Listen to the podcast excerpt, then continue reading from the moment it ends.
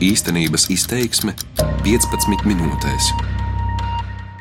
Ne katrs vijoļu meistars var kļūt par virtuozu. Ar tādu daļrunīgu frāzi valsts kontrolas revidenti pirms gada paziņoja, ka Rīgas domas uzņēmums Rīgas meži pirmkārt pārkāpj likumus, bet otrkārt kropļo konkurenci. Asā paziņojuma iemesls bija revidentu izpētītais, ka Rīgas doma, kā viens no lielākajiem meža īpašniekiem, plānveidīgas mežu apsaimniekošanas vietā tos rīīgi izzāģē un pārstrādā savā zāģētavā.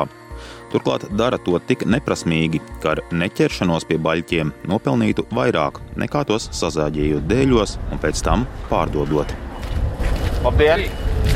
Viens pret trījiem netiks galā tiksiet. Edgars Kupgars. Klausoties, jūs rādio tiksiet. Jūs esat no.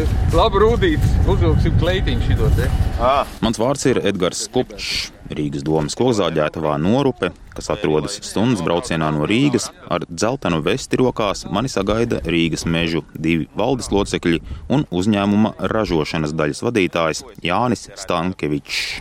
Esam mēs Ikšķils novadā, kokzāģētavu norupu Rīgas meža struktūra vienība, kur pārstrādā apaļkoks uz zaļmateriāliem.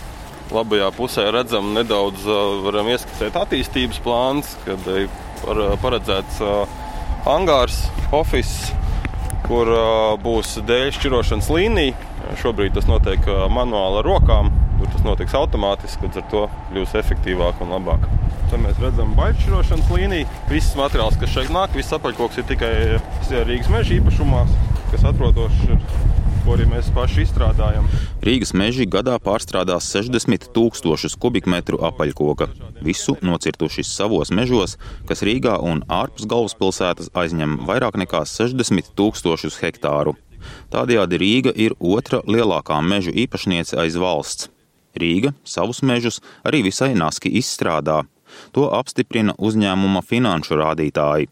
Pirms desmit gadiem Rīgas meži apgrozīja 4 miljonus eiro un nodarbināja 138 cilvēkus. Provizoriskie dati par pērno gadu rāda jau piecas reizes lielāku - 20 miljonu eiro apgrozījumu un 450 darba vietas. Mani sauc Aivars Tauriņš, es esmu Sierra Rīgas meža valdes priekšsēdētājs. Aivars Tauriņš Rīgas mežus sāka apsaimniekot pirms 11 gadiem. Uzņēmumā iekāpa pēdējā tā sauktajā treknajā gadā.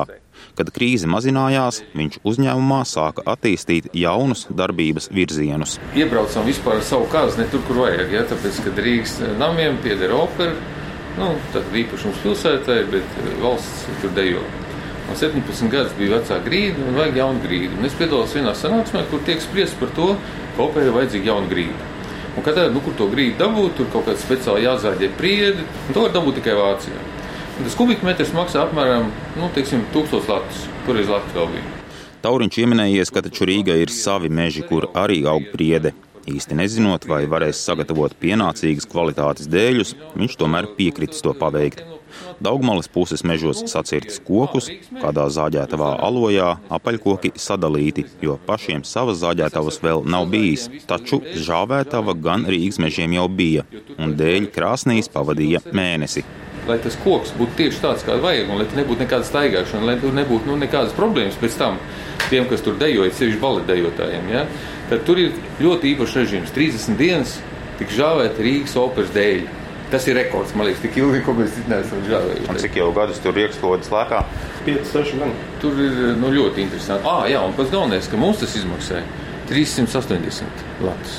Jā, nu tāds mēs esam savdabīgs pašvaldības uzņēmums, kurš varbūt nodarbojas ar funkciju, kur ne ļoti bieži ir raksturīga pašvaldības uzņēmumiem.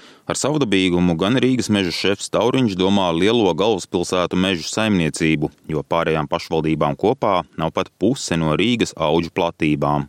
Tomēr par savdabīgu valsts kontrolas revidenti dēvē arī Rīgas mežu piedurkņu atrotīšanu kokapstrādes biznesā, izveidojot gateri.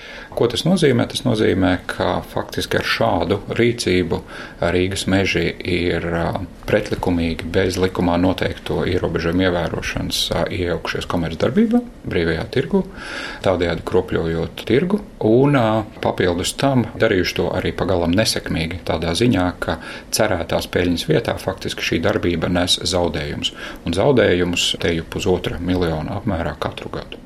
Tas ir Edgars Korčagins, valsts kontrolas padomes loceklis. Pirms gada revidenti Rīgas meža saimniecību izpētīja valsts revidenta Roberta Jumiķa vadībā.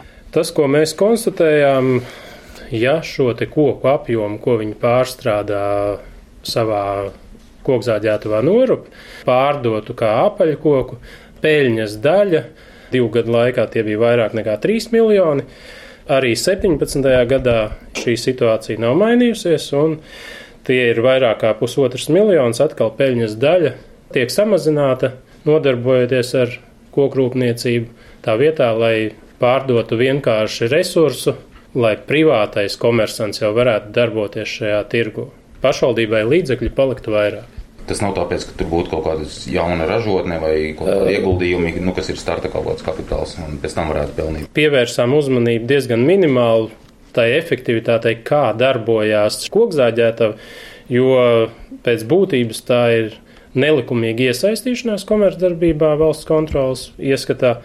Līdz ar to vērtēt nelikumīgas darbības efektivitāti īsti pamata nebija. Paši Rīgas meža atzīst, ka viņi darbojas ar diezgan novecojušām iekārtām.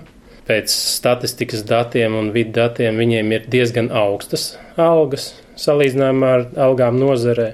Tie var būt daudz un dažādi iemesli. Valsts kontrolas sabiedrotā šajā gadījumā ir konkurences padome, Tā akcentē valsts pārvaldes iekārtas likuma baušļus, ka valstī un pašvaldībām nav jānodarbojas ar lietām, ko veiksmīgi spēj darīt privātais sektors, reizē pildot arī publisko maku.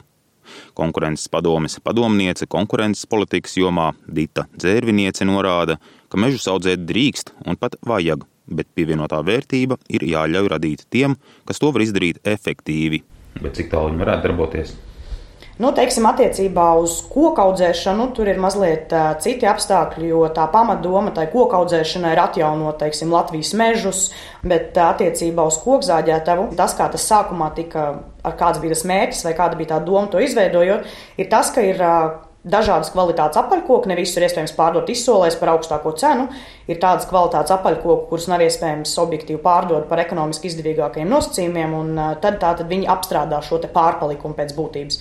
Kas arī būtu objektīvi, jo publiskajai personai ne tikai ir pozīcija no konkurences tiesību viedokļa, bet arī no publiskās personas finanšu līdzekļu izlietojuma. Taču Rīgas meži negrib samierināties tikai ar kritālu vākšanu. Vēl vairāk uzņēmums pats stratēģijā ierakstījis, ka pašu izaudzētos kokus pārstrādās arvien vairāk. Arī strauji augošie finanšu rādītāji liecina, ka gatera jauda tiek kāpināta katru gadu. Konkurences lietu ekspertei Dzērviniecei jautāju, kam no tā ir sliktums. No viss ir sliktums ir uh, uzpircējiem koku, primāri, jo viņiem samazinās apjoms, ko viņi saņem no Rīgas mežiem. Nākotnē tas varētu būt arī sliktums kādā saistītā tirgū, piemēram, tie, kas jau nodarbojas ar uh, pārstrādi vai uh, kaut kādu galdu krēslu ražošanu, un arī viņiem ir sliktums. Tas sliktuma apjoms, mēs arī vērtējam, kāds ir tas apjoms, kas tiek iepirkts no Rīgas mežiem. Tas nav tik liels, jo valsts meži joprojām ir primāri tas, tas noieta kanāls, bet tas ir tas sliktums. Jā, tātad piegādātājiem, uzpircējiem, viņiem nav papildus noieta kanāla, tā prece var kļūt dārgāka, jeb koks.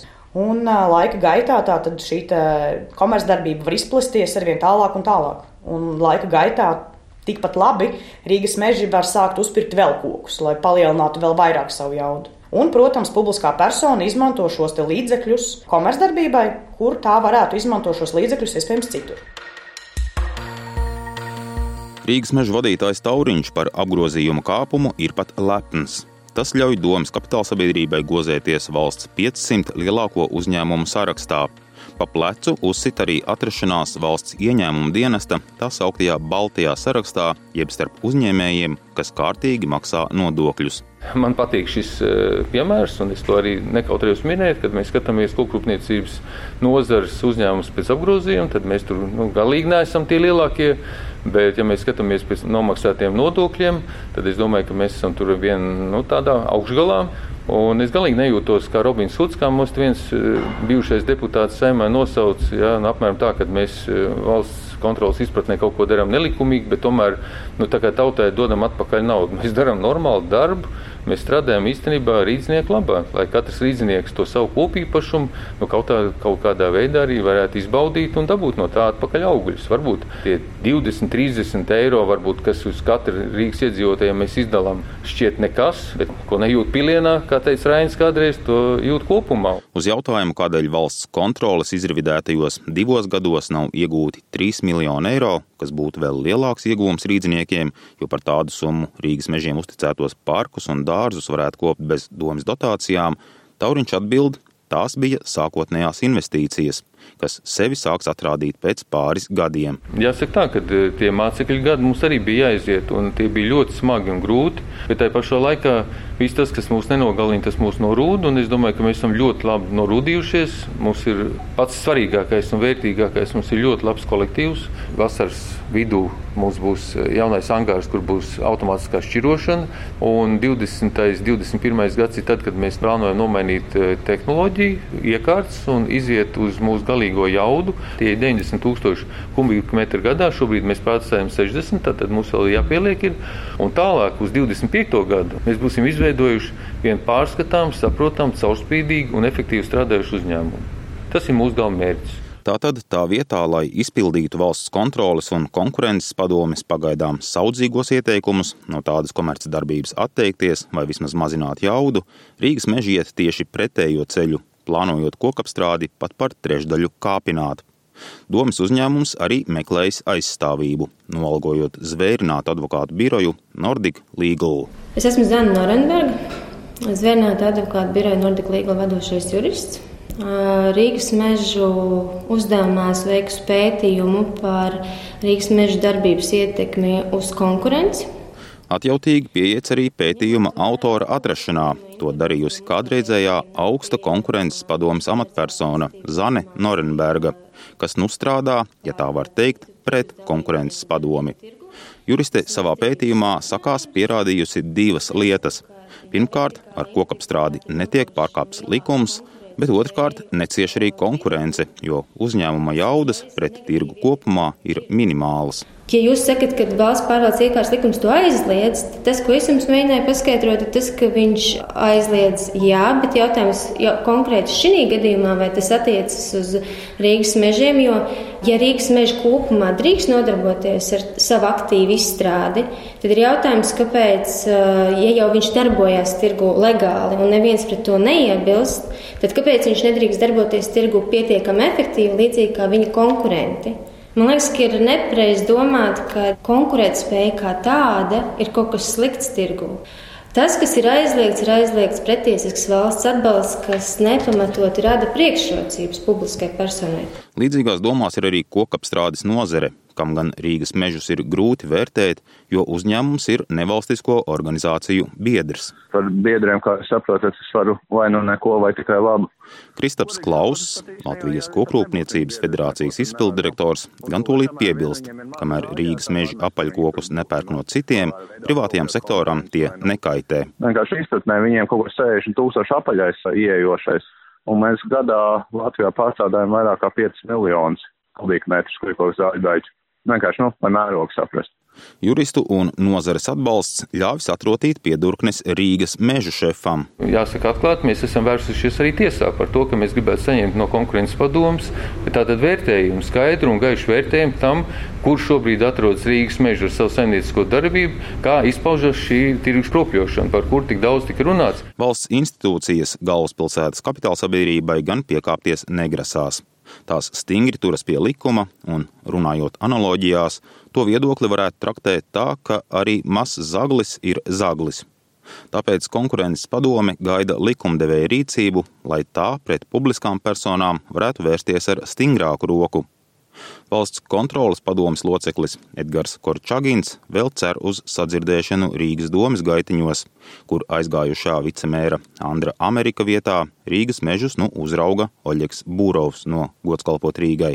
Tā kā jaunais Rīgas vicemērs ir apsolījis veikt zinām dezinfekciju Rīgas eh, pilsētas kapitāla sabiedrībās, nu šeit mēs varam parādīt vienu uzskatām piemēru, kur šāda dezinfekcija būtu nepieciešama. Rīgas vadības nostāju gan iegūt neizdevās, jo pēc pāris nedēļu svētku brīvdienām vicemēra preses pārstāvis atgaiņājās, ka vispirms ir jāiepazīstas ar pāraugāmajiem uzņēmumiem un to attiecībām ar kontrolas dienestiem.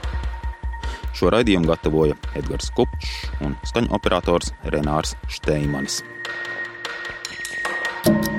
Darbības vārds īstenības izteiksmē izsaka darbību kā realitāti. Tagatnē, pagātnē vai nākotnē, vai arī to noliedz.